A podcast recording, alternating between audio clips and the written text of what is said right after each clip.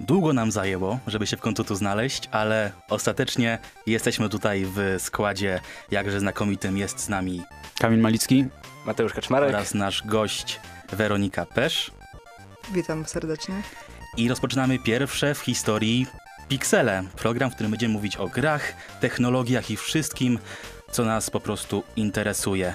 W dzisiejszym programie powiemy troszeczkę o e-sporcie, a dokładnie o pierwszych akademickich mistrzostwach Polski w tej dziedzinie.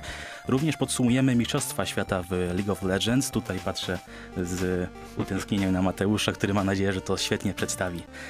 I właśnie zacznijmy od tego e-sportu. Mm, E-sport bardzo dynamicznie się rozwija, co możemy zauważyć gołym okiem, prawda?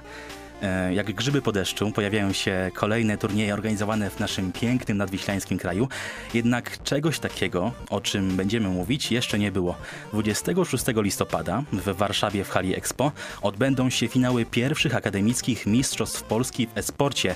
Jako, że nasze radio dumnie wspiera to wydarzenie, nie mogłem przepuścić okazji, by porozmawiać z, o nim z organizatorami. Moim rozmówcą był Jędrzej Smary, który odpowiedział nam na parę pytań i jeszcze zanim zaczniemy, rozmawialiśmy przez Skype'a. Jakość rozmowy nie jest najlepsza, ale mam nadzieję, że wszystko będzie zrozumiałe.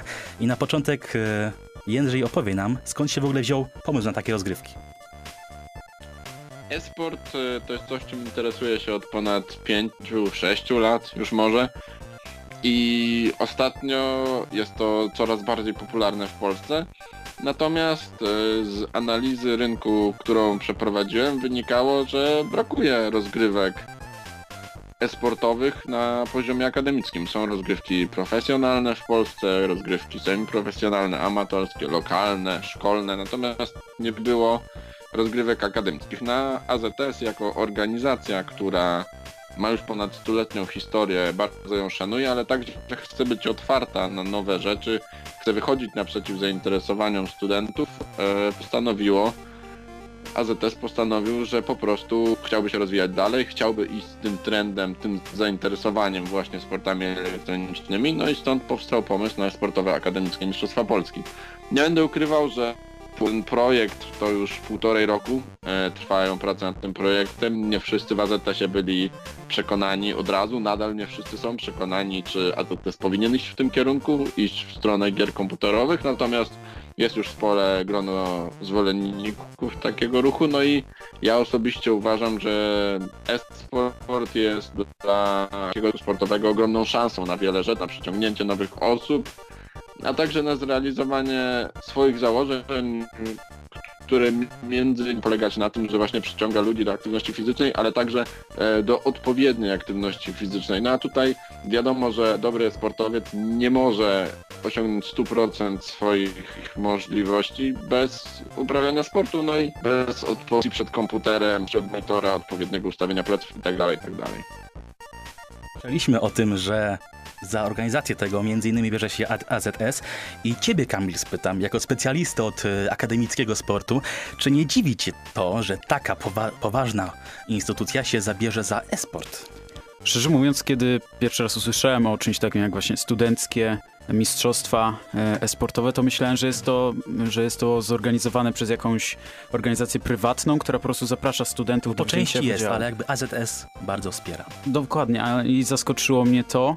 em, z tego powodu, że no wiadomo, jest, trwa dyskusja od, od lat, że od, od momentu, kiedy e-sport tak zaczął się tak powoli rozwijać do jest teraz w tym miejscu, w jakim się znajduje i cały czas y, panują, y, trwają dyskusje, jak się powinno ten e-sport kwalifikować, czy jako, e, czy jako prawdziwy sport, czym wiadomo, może nie stawiać go na, tej sam, na, na tym samym poziomie, e, nie, na, nie, nie patrzeć na niego pod tym samym e, kątem. Ale mimo wszystko to może być jakiś krok do przodu, żeby ten e-sport nie był tylko traktowany jako zabawa dla chłopczyków i dziewczynek z klawiaturkami i mysz, myszami pod rękoma. Może to też e, pokaże, że studenci, którzy, e, studenci, uczniowie, ktokolwiek, kto gra, wcale nie musi tego robić tylko w niedzielę o godzinie 18, kiedy ma akurat 2-3 godziny wolnego czasu. Może to też pokazać niektórym sposób na, na to, jak zarabiać i jaką, jaką drogę kariery Kiedy e, patrzy wybrać. się na to, jakie budżety występują w turniejach sportowych, naprawdę myślę, że niektórzy prawdziwi sportowcy mogą tego zazdrościć. Teraz Jędrzej wypowie się, czy AZS-u nie przeraziło, z jakim ogromnym przedsięwzięciem będą mieli do czynienia, patrząc chociażby na IM w Katowicach.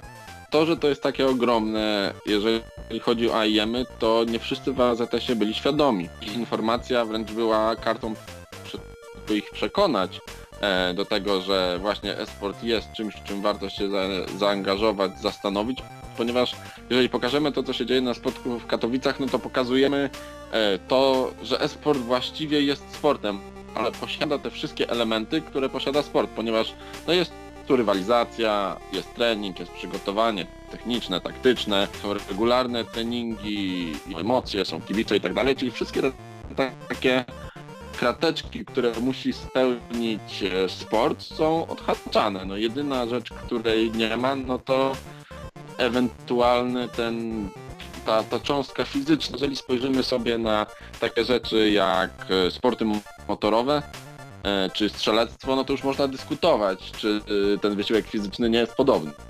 Jędrzej w sumie słusznie zauważył, że nie wszyscy są świadomi tego ogromu, zwłaszcza w takiej organizacji jak AZS. Mateusz, czy uważasz, że powinniśmy to zmieniać? Czy to się zmienia powoli, że wzrasta świadomość dotycząca sportu w społeczeństwie?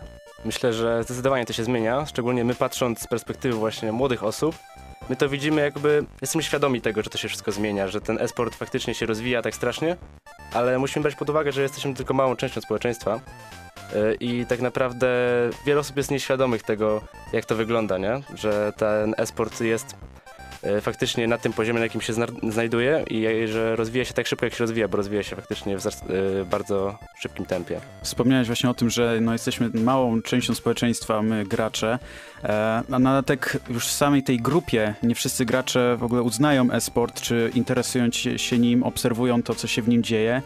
E, bo może to po prostu jest dla nich nieciekawe, bo może dla nich też e, nie ma wielkiej zabawy na przykład w gry, e, w gry multiplayerowe, tylko jeden z ich interesuje to nie wiem, dobra, dobra historia i tak dalej, więc nie, ja nie chodzi już graczy zaliczam, no więc... to witaj w klubie, ale e, no i właśnie to nie, to chyba nie chodzi tylko o to, żeby szerzyć właśnie wiedzę wśród ca całego społeczeństwa, ale też wśród tych osób, które mniej lub bardziej regularnie siadają do komputerów bądź do, do, przed e, monitory. I odpalą sobie e, jakąś grę e, na godzinę, dwie, żeby też zobaczyli, że granie to nie musi być tylko si- siedzenie, tak jak już być takie siedzenie, tylko żeby posiedzieć godzinę, dwie, spędzić wolny czas, tylko pokazać, że cholera, tu można, tu można się nie tylko bawić, ale też fajnie zarobić, czy zrobić, czy zdobyć sławę. Tak mi się świetnie skojarzyło. Wspomniałeś o grach z świetną historią, więc teraz chyba piosenka z jednej z takich gier, która naprawdę ma wyśmienitą historię, Grand Theft Auto 5. Według mnie najlepsza część, według was? Czwórka. No. Nawet, nawet nie, nie zaczynajmy dyskusji, bo Nie, jestem twojego zdania. Weronika, grałaś w GTA? Yy, W GTA nie grałam, nie, nie, mam tej, nie miałam tej przyjemności, także nie, Nie wiesz, co cię, się. nie wiesz, co cię omija. Sleepwalking, The Chain Gang of 1974. Rozgrywki esportowe akademickie w Polsce nie było czegoś takiego wcześniej, dlatego też spytałem e, Jędrzeja, dla kogo są te rozgrywki kierowane, kto się może zgłosić i jakiego poziomu oczekuje, ponieważ troszeczkę mnie zastanawiało, czy na przykład e, musi, muszą to być studenci, czy na przykład pojawią się jacyś e, zawodowi gracze. Całe rozgrywki kierowane są oczywiście do studentów. I, i kiedy studenci to profesjonalni gracze, bo wiemy, że już w obecnych czasach we sporcie, aby grać pro- profesjonalnie trzeba grać 8-10 godzin dziennie. Ciężko studiować w tym samym czasie. Natomiast jeżeli chodzi o to, jakie mamy wymagania co do rejestracji drużyn, no to wymaganie jest takie, żeby w pięcioosobowej drużynie gramy w Counter-Strike'a lub w Lola, żeby w pięcioosobowej drużynie było trzech, trzech studentów lub trzech członków AZS-u lub trzech pracowników uczelni wyższej. Innymi słowy, żeby były trzy na pięć osób były związane ze środowiskiem akademickim. No i rozgrywaliśmy taki turniej rozgrzewkowy w internecie w czerwcu, nazywał się EAMP Warm-Up. Był to turniej w pełni online, były również nagrody pieniężne do tych nagród, które obecnie są na turnieju lanowym. No i tam y, nie pojawiły się profesjonalne drużyny, natomiast y, na przykład w League of Legends w zwycięskiej drużynie grał Tabasco. Znany obecnie naszych drużyn w Polsce, tak? Były gracz Kinglin, obecnie gra IGH, e, IHG, przepraszam. Także no, no twarz na scenę. No i to też mówi troszeczkę, jakiego poziomu się spodziewam. E, oczywiście skierowane do casuali, chcemy, żeby to była fajna studencka zabawa, każdy może wystartować w kwalifikacjach, pobawić natomiast na finałach chcielibyśmy, żeby się poczuli jak, jak na profesjonalnej imprezie, ale już widzę po osobach zapisacznie gracze na bardzo wysokim poziomie postanowili z kumplami się złapać, czasami są studentami, czasami nie są, jak nie są, to właśnie spotyka się z kolegami, studentami, próbują się pojawiłbym się dosyć wysokiego, nieprofesjonalnego, ale dosyć wysokiego. Teraz kilka słów o tym, jak to wszystko będzie się rozgrywać, na przykład na jakich zasadach będą odbywać się kwalifikacje. Mamy cztery dyscypliny. Jedną z nich to jest Counter-Strike, drugą League of Legends, trzecią Hearthstone, no i czwartą dyscypliną e, będzie jeszcze jedna gra e, indywidualna, ale to ogłoszenie wkrótce. No i w każdej grze mamy cztery turnieje kwalifikacyjne online. Zapisujemy się po prostu do wybranego turnieju. Jeżeli zwyciężymy lub w przypadku gier indywidualnych zajmiemy miejsce w najlepszej dwójce, to po prostu awansujemy na finały na żywo, które odbędą się w Warszawie 26 listopada i na które oczywiście wszystkich serdecznie zapraszamy. Jeżeli się nie dostaną, a będą chcieli obejrzeć, e, to też jest taka możliwość. Dla tych, którzy się nie dostaną, będzie jakaś opcja oglądania tego na przykład na Twitchu. E, tak, oczywiście będzie transmisja. Patronem medialnym imprezy zostało TVP Sport. E, I za transmisję również będzie odpowiadać TVP Sport, także będziemy mogli zobaczyć transmisję z naszej esportowej imprezy realizowaną przez e, profesjonalną telewizję polską. Kamil teraz taką y, bardzo ciekawą uwagę y, powiedział, ale nie chce się do niej przyznać. Nie, nie chcę sobie zamykać e, żadnych drzwi, nie chcę sobie zamykać jakiejś...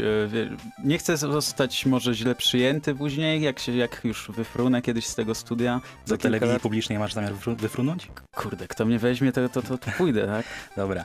Jaki był jednak y, odzew? Y, Ilu graczy się zgłosiło? O tym teraz Jędrzej Smaruj. Rozegrane już zostały kwalifikacje pierwsze w Counter-Strike'a i w League of Legends. W Counter-Strike'a mieliśmy komplet, to znaczy przy 64 sloty i 64 drużyny się zapisały. E, pytając ilu to jest zawodników, no każda drużyna ma co najmniej 5 graczy, także 64 razy 5 ponad 300 osób. Natomiast w of Legends mieliśmy 37 drużyn, znowu razy 5 to prawie tych osób 200 powiedzmy, że w pierwszych dni w Counter-Strike'a w sumie zagrało nas 500 osób, a jeszcze po trzy kwalifikacje e, grę przed nami i jeszcze kolejne cztery gry indywidualne. Czyli jak widzimy, troszeczkę zawodników się zgłosiło. Mnie to osobiście absolutnie nie dziwi. Jakie jest wasze zdanie, czy to, że aż tylu zawodników się zgłosiło, oznacza, że studenci jednak czegoś takiego pragną? Mi się ba... Czy tego pragną? Nie wiem, no ale... Może takiego złego słowa użyłem. E, ale- Wy, znaczy, wydaje mi się bardziej, że e, po prostu zobaczyli możliwość e, z, sprawdzenia swoich umiejętności, bo wcześniej może to robili tylko na jakimś e, amatorskim e, czy lokalnym poziomie i chcą zobaczyć, e, jak będą potrafili sobie poradzić z graczami może właśnie bardziej doświadczonymi, z tymi już bardziej, tymi, którzy już liznęli troszeczkę tego, tego profesjonalnego e-sportu w mniejszym lub większym stopniu. No i też kwestia tego, że jeżeli, że znając się na, z uczelni, z grup ćwiczeniowych, z czegokolwiek, e, to może być też pewnego rodzaju wyzwanie, kiedy zbierzesz e, swoją drużynę i wyrusi, wyruszysz e, w drogę, a twój znajomy zbierze kolejną grupkę i chcecie zobaczyć, kto dojdzie dalej. I tak tylko po to, żeby później w sobotę wieczorem móc się, móc się pochwalić i żeby to jedna drużyna musiała drugiej Każdy postawić. pretekst jest dobry, żeby móc sobie z kolegami pograć. Przecież no, Oczywiście. no mamo przecież trenuje do turnieju. Wiesz ile można wygrać? 5000 złotych. Właśnie nawet o puli nie wspomnieliśmy. 5000 złotych w CS-ie, w e, W Hearthstone'ie chyba troszeczkę mniej, bo to jest gra indywidualna. I jeszcze ta jedna gra, której nie możemy powiedzieć, co to za gra. E, Też pewnie 1000 zł, bo to też gra indywidualna. Teraz chwilka przerwy e, z Battlefielda 1, tym razem e, z trailera, który zmiażdżył, o ile pamiętam, to było rok temu Call of Duty Infinite Warfare czy Advanced Warfare? Co to było? Infinite. Już nie, już nie, Infinite Warfare. Pamiętam te, te łapki w dół pod Infinite Warfare i się zupełnie temu nie dziwię. Znaczy, tam nie było żadnych chyba łapek w górę, o ile dobrze, znaczy nie było tego nawet pewnie Gdzieś widać. chyba czytałem, że y, w końcu został pobity rekord Justina Biebera piosenki Baby, także Nie dziwię jeżeli się. chodzi o liczbę łapek w dół. Posłuchajcie. Teraz troszkę na bok odsuniemy temat akademickich mistrzostw Polski we sporcie, żeby po pomówić o esporcie w, w ogóle. Zapytałem Jędrzeja, czy branża sportowa w Polsce rozwija się dynamicznie i jak to jego zdaniem wygląda pod względem turniejów, ale też i polskich drużyn, które nas w tych rozgrywkach reprezentują. Jeżeli chodzi o e-sport w Polsce, to myślę, że trzeba rozgraniczyć drużyny i ich poziom od samego rozwoju branży. Ponieważ y, nie mam wątpliwości, że branża w Polsce rozwija się niezwykle dynamicznie, wręcz bardziej dynamicznie niż można by się tego spodziewać na pierwszy rzut oka. Jak się okazuje, Polska jest jednym z najważniejszych rynków, jeżeli chodzi o e-sport w Europie jest wśród pięciu najważniejszych krajów i mogę to powiedzieć z czystym sercem, że tak myślą o tym inwestorzy i tak myślą o tym największe marki organizujące imprezy esportowe na świecie, ponieważ rozmawiałem z osobami przedstawiającymi te marki. No i pod tym względem Polska rozwija się fantastycznie. No mamy AIM Katowice co roku, bywał się Major, ale nie wolno też zapominać, że w zeszłym roku odbywały się finały mm, splitu Lola e, letniego, czyli tam LCS European Split Finals. To też się odbywało na Tauron Arenie. To też jest duża impreza. We Wrocławiu na Sportnao mieliśmy teraz kolejny rowerowy turniej, to był chyba GeForce Cup się nazywał. W związku z tym branża w Polsce sportowa rozwija się bardzo dynamicznie. Mamy mnóstwo gaming house'ów, rośnie dużo tych drużyn jak na drożdżach i tak dalej, i tak dalej. Więc pod tym względem rozwijamy się bardzo dynamicznie, mamy coraz więcej osób oglądających i to uważam, że jest super. Natomiast jeżeli chodzi o same drużyny, mojej ocenie brak, brakuje jeszcze troszeczkę e, tego troszeczkę jeżeli chodzi o drużyny i troszeczkę tutaj odstajemy od Europy, tym w tej poprzedniej jakby części branży, o której powiedziałem, ponieważ w tej poprzedniej części branży Polska jest taka ciekawym krajem, ponieważ jest tania. Jest dużo taniej zorganizować turniej w Polsce, aniżeli w Niemczech. Czy we Francji, czy w Szwecji, no to znowu marki mają, czy ludzie personalnie, inwestorzy mają znacznie mniej pieniędzy i ciężej jest płacić takie europejskie pensje, dostarczać gaming house'y i odpowiednie zaplecze. W CS mamy Virtus Pro i długo, długo nic. No ja się tutaj nie, nie mam... E, no teraz bardzo dynamicznie nam się rozwija, które teraz przecież grało już w playoffach na minorze i można powiedzieć, że otarło się o kwalifikację do Majora i to jest drużyna, która przez ostatnie trzy miesiące zrobiła no niesamowity progres. Jest jeszcze Pride, które również grało na minorze, no to cały czas jeszcze można powiedzieć. E, mamy jeszcze Kingwin, które w mojej ocenie nie odstaje od tych pozostałych dwóch drużyn. Tworzy się strasznie dużo jeszcze takich e, mniejszych organizacji, które na polskim podwórku rywalizują, więc w scenie CS-a moim zdaniem bez wątpienia, moim zdaniem ta scena kwitnie. Jeżeli chodzi o scenę Lola, może jest trochę gorzej, ale cały czas pojawianiem drużyny, które mogą rywalizować i przy odpowiedniej puli graczy i przy ich odpowiednim zaangażowaniu na pewno, na pewno coś się tam pojawi. Także mocno rozwija, znacznie lepiej w takiej turniejowej części, organizowaniu turniejów, trochę gorzej w tej części posiadania organizacji, ale wydaje mi się, że obie te rzeczy zależą od, od tego samego czynnika. Jędrzej słusznie zauważył, że w Polsce dobrze idzie nam organizowanie turniejów, ale gorzej jest z drużynami, które nas reprezentują. W CS mamy Virtus Pro, potem przerwa i mamy Kingwin, Pride i tak dalej. Jak to wygląda w LoLu, Mateuszu? Wiesz co, scena LoLa jest taka dosyć okrojona moim zdaniem, ponieważ no tu nie ma, nie ma takich drużyn, które by się jakoś e, mogły wyróżnić na scenie międzynarodowej. Jedynie co to jest Jankos, który gra w, w tym momencie w H2K, tak? Dobrze, nie, nie pomyliłem tego, tak. prawda? Dobrze. Tak. No, a jeżeli chodzi o polską scenę, ja miałem osobiście okazję być na finale Pucharu League of Legends. No i ten poziom tam faktycznie jest wysoki, ale to jeszcze nie jest to, co możemy oglądać na tej scenie europejskiej. Teraz troszeczkę może filozoficzna dysputa. Czy e-sport kiedyś będzie na równi ze sportem tradycyjnym według Jędrzeja Smaruja?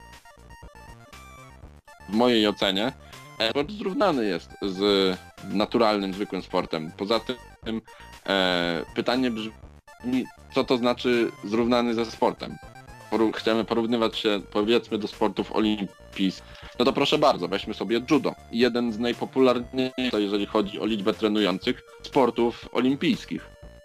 Ciebie teraz, Kamilu, jako Mhm. specjalistę od sportu, naszego dumnego komentatora i dziennikarza Planety Sportu, A zapytam. już, już co, co, co ty chcesz ode mnie? Co tak słodzisz? Ja, ja nic nie mówię, ja Mhm. tylko stwierdzam fakty.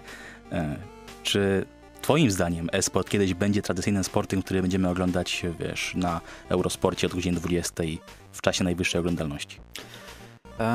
Wątpię, szczerze mówiąc. Tak jak powiedzieliśmy wcześniej, gracze i osoby w ogóle zainteresowane grami, e, nie tylko e, jako osoby, które biorą udział w rozgrywce, ale też jako element kultury, e, to jest jednak zbyt mała część społeczeństwa, aby duże różne stacje czy grupy medialne e, decydowały się na tego typu ruchy. No wiadomo, w prime time na Eurosporcie czy, czy innych e, dużych kanałach to tego raczej nie ujrzymy, chociaż kto wie, może to się za 10-15 lat zmieni, ale nie sądzę, aby to w żeby to w najbliższym czasie w jakikolwiek sposób e, e, w jakikolwiek sposób mogło do tego dojść. Są jednak te sporty, które w tym momencie są e, najbardziej jakby, wokół których jest największe zainteresowanie. Piłka nożna, siatkówka, koszykówka, piłka ręczna, już pomijając piłkę nożną, już o tych trzech, e, trzech, e, trzech dyscyplinach mówi się, że jednak brakuje, e, brakuje czasami e, transmisji, że powinno się, powinno dostać więcej coverage e, w, w mediach. E, Wątpię, żeby tutaj esport mógł się przepchnąć, nieważne jak, jak będzie miał szerokie barki, będzie mógł się wepchnąć e, do tej powiedzmy pierwszej piątki najbardziej medialnych i najbardziej e, najbardziej najczęściej puszczanych, jeżeli można tak nazwać, sportów e, w telewizji, radiu, czymkolwiek. Twoje zdanie poznaliśmy, teraz spytajmy Jędrzeja, czy sądzi, że e-sport kiedyś pojawi się w mainstreamie, czy kiedyś właśnie w prime time go ujrzymy i też zapytałem go o to, czy kiedyś widzi e, e-sport w kanonie sportów olimpijskich. E, Znaczy, ja nie mam wątpliwości, że to się wydarzy, natomiast ja chciałbym podejmować dyskusję, że sport już jest w mainstreamie, ponieważ jego oglądalność, jego pule nagród przewyższają całą masę. Natomiast no, do piłki nożnej jeszcze nie mamy podjazdu. Czy mamy podjazd do siatków? Można by dyskutować, popatrzeć, pulę nagród, zarobki zawodników, e, oglądalność to już, już w mojej ocenie jest na podobnym poziomie. Kiedyś e, pojawimy się w prime time, na pewno tak. Czy kiedyś pojawimy się na olimpiadzie? Być, że tak. Czy potrzebujemy się pojawić na olimpiadzie? No tego już nie jestem pewien. E, Natomiast czy olimpiada potrzebuje, aby esport pojawił się na niej? Tak. Ponieważ to olimpiada pada oglądalność, Teraz już wiem, że Kamil się z tym absolutnie nie zgadza, co powiedział Jędrzej. E, Dobra, już odstawmy to na bok, bo nie mamy na to już zbyt dużo czasu. Jeszcze na koniec, e, gdzie szukać informacji o Mistrzostwach Polski w e-sporcie akademickich? O tym Jędrzej. Jeżeli chcecie nas znaleźć, to zapraszam wszystkich serdecznie na naszą stronę internetową e-ampy.pl to jest e-ampy.pl i tam są wszystkie informacje na temat wszystkich dyscyplin, w których e-ampy są rozgrywane, na temat puli nagród, regulaminów oraz linki do zapisów do poszczególnych kwalifikacji. Nie ma żadnych wymagań, aby grać we wszystkich kwalifikacjach, gramy w których nam pasuje. Jeżeli chodzi o wymagania, to tak jak już wcześniej wspomniałem, wymagamy, aby w pięcioosobowej drużynie było trzech studentów lub członków AZS-u lub pracowników uczelni wyższej. W dyscyplinach indywidualnych, e, no już jest to wymaganie, aby być po prostu studentem, członkiem AZS-u lub e, pracownikiem uczelni wyższej. Natomiast jeżeli ktoś ma ochotę się dowiedzieć regularnie coś na temat e-ampów, to zapraszamy na nasz profil na Facebooku, również e-myślnik ampy. Tam wszystkie najświeższe informacje, przypomnienia o kwalifikacjach i tak dalej. I na koniec, czy to dopiero początek takich rozgrywek, czy są planowane kolejne turnieje? Jest, nie, no zdecydowanie nie jest to nasz ostatni ruch. Umowę z Expo mamy na podpisaną na 3 lata, no więc e, będziemy chcieli realizować to regularnie. I naszym celem jest dążyć do tego, aby prezy akademickie sportowe odbywały się więcej niż raz do roku. Teraz chwilka przerwy z piosenką z gry, która jest mi bardzo bliska, bardzo ją lubię, a mianowicie Portal, a zaraz po niej wielkie show Mateusza i Weroniki na temat Worldsów w Lola. Zostajemy w tematyce e-sportu niewątpliwie, ale teraz w trochę większym formacie, bo zaczynamy o Worldsach w 2017 roku, które były w tym roku w Chinach, tak? Czyli Dokładnie, E. były w Pekinie na Stadionie Narodowym. tak, tam był się odbył finał konkretnie. Wcześniej to, to były jakieś mniejsze stadion, okazje. gdzie w 2008 roku odbyły się Igrzyska Olimpijskie. Tak, to dokładnie ten stadion. Widzisz, widzisz, Ma- widzisz Kamil, jednak Te- e, te e-sport może- wkracza na e, coraz większe stadiony Te- i areny. To ja może już wyjdę? Tak. Je, jeszcze możesz zostać. Ale wychodzi na to, że moja, moja opinia jest tutaj ten, nie, że się ten, źle tutaj oceniłem sytuację. Absolutnie nie, ja jestem po środku. Więc Nie, warto wspomnieć, że tutaj właśnie te imprezy co roku były na takich naprawdę wielkich miejscach tam w Stanach. Było to w Los Angeles też na stadionie. Było też chyba w Korei, na stadionie, w którym, na którym odbył się finał Mistrzostw Świata w 2002 roku. Ty tego nie wiesz, ale ja to wiem, dobra. Okej, dobra. Ale odnośnie tych mistrzostw, już przechodząc do tematu, to w tym roku po raz pierwszy od kilku e, lat mieliśmy, mogliśmy e, przeżyć coś nowego, bo tak naprawdę to było dość monotonne od wielu lat. E, czy, zapytam cię teraz, Weroniko, czy jesteś fanem SKT Telecom? Mm, SK, SKT lubię, faktycznie masz rację, jeżeli chodzi o to, że jest to monotonne, że oni cały czas wygrywają, e, ale jednak no, zasługują na to, zwłaszcza, że no, Faker według mnie jest bardzo dobrym graczem. E, tak samo też bardzo lubię Huniego, który wcześniej był we Fnatic. Em, jest też dobrym toplanerem, Faker jest dobrym midem. Oczywiście popełnili tutaj błędy na tych mistrzostwach, nie wyszło im za bardzo, co przypłacili oczywiście wygraną. E, Nadal uważam, że są świetni, ale fajnie, że wygrał jeden, jednak jakiś inny, jaka, jakaś inna drużyna wygrała. Tak, szczególnie, że sam, znaczy, to nie jest też pierwsze zwycięstwo Samsungu, chociaż pod inną nazwą, ale już kiedyś zdarzyło im się wygrać. No to tak, są, są już skiny do, do nich, czyli to równy, rów, roz, równoznaczne jest z tym, że już wcześniej wygrali. Mi w tym wszystkim najbardziej szkoda jest y, Royal Never Give Up, ponieważ oni już od tylu lat próbują tutaj coś ugrać na tych mistrzostwach i zawsze grają świetnie. Brakowało im naprawdę bardzo niewiele, żeby y, pokonać SKT i znaleźć się w finale, bo przegrali z nimi wynikiem 3-2. Tutaj właśnie też chciałem wspomnieć o tym, że SKT już od początku, odkąd wyszli z grupy, y, było widać, że nie radzą sobie aż tak dobrze jak w poprzednich latach, bo wszystkie, zarówno ćwierćfinały, jak i półfinały, przy, wygrywali wynikiem 3 do 2, czyli tak naprawdę ledwo, ledwo, nie? No, musieli się postarać w tym roku bardziej. No i tutaj Samsung, Samsung mimo, że wyszedł z drugiego miejsca w grupie, bo w pierwsze miejsce tam miał bodajże Royal właśnie, yy, poradzili sobie dużo lepiej, pokonali Longcu, o którym jeszcze za chwilę powiem, i dotarli do finału, gdzie rozgromili tak naprawdę moim zdaniem SKT 3 do 0. Tak, tak, moim też. Był pogrom, to prawda. Warto teraz jeszcze wspomnieć o nagrodach, jakie tutaj e, były, ponieważ to jest też nawiązanie do waszego tematu, panowie. Mieliście tam, że te nagrody nie są takie, że są już równie duże jak w wielu dyscyplinach sportowych, często je przerastają. Tutaj mamy do czynienia e, z ponad dwumilionową nagrodą od sa samego Riotu oraz e, niecałymi dwoma milionami e, tak zwanego fan contribution, czyli tego, co Ale zebrali złotych, fani. dolarów, euro, Dolarów, pesos. dolarów. I w tym momencie pierwsza drużyna dostaje 37,5% tej puli. To jest ta pula nagród, która jest rozdzielona między wszystkie drużyny. Y, Z tego, co tam wyliczyłem, to jest około y, miliona 600 tysięcy.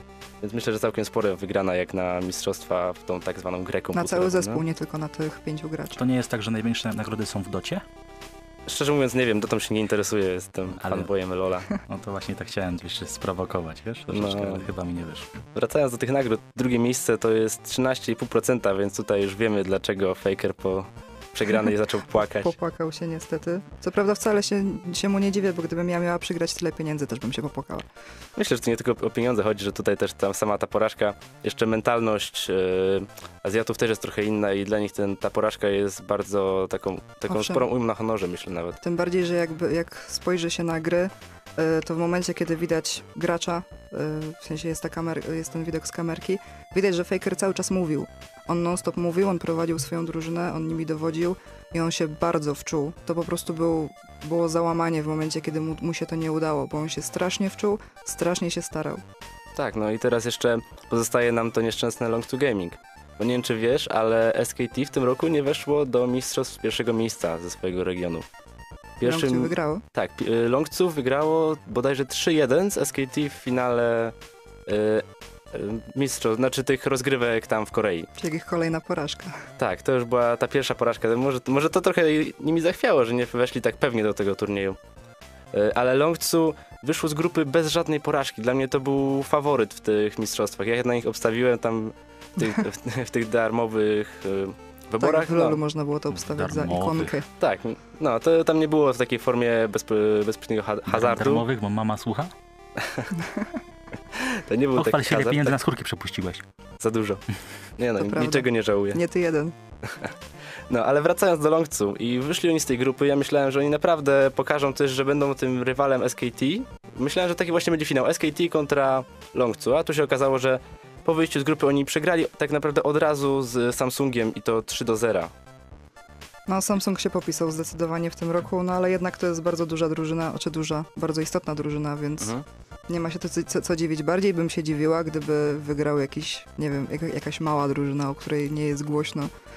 No tutaj na przykład jeszcze pozostają nam drużyny, e, które były z Chin. Tak typowo ten tłum, który tam był na stadionach zawsze kibicował tym drużynom i one tak naprawdę dotarły bardzo daleko, bo dwie drużyny chińskie znalazły się w półfinałach. Było to właśnie Royal Never Give Up i Team WE. I obie te drużyny tak naprawdę odpadły po dosyć wyrównanej walce. Samsung tutaj trochę bardziej e, zniszczył WE, ale Royal naprawdę walczyło na równym poziomie z SKT. Więc tutaj ta porażka była naprawdę niewielka, ta różnica poziomów. Yy, No i jeszcze warto wspomnieć o drużynach europejskich. Kojarzysz, jakie tam drużyny wyszły z grupy? E, szczerze mówiąc, nie, ponieważ nie, e, nie wczułam się aż tak bardzo w te mistrzostwa. Wiem, jaki jest finał, oglądałam pierwsze trzy dni.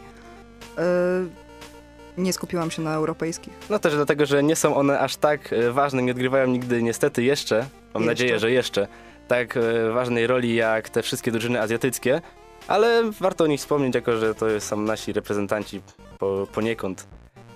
Dwie drużyny znalazły się w rozgrywkach już tych pucharowych. Był to Fnatic oraz Misfits Gaming, gdzie Misfits miało za zadanie zmierzyć się właśnie z SKT i poradziło sobie lepiej niż bym, się, niż bym e, był w stanie przypuszczać, bo naprawdę wywiązali wyrównaną walkę i też e, przegrali 3-2 tak naprawdę, więc e, na, na poziomie Royal Never Give Up myślę. Teraz pytanie, czy, na, czy to nasze drużyny po prostu są coraz lepsze, czy po prostu SKT coraz gorzej gra?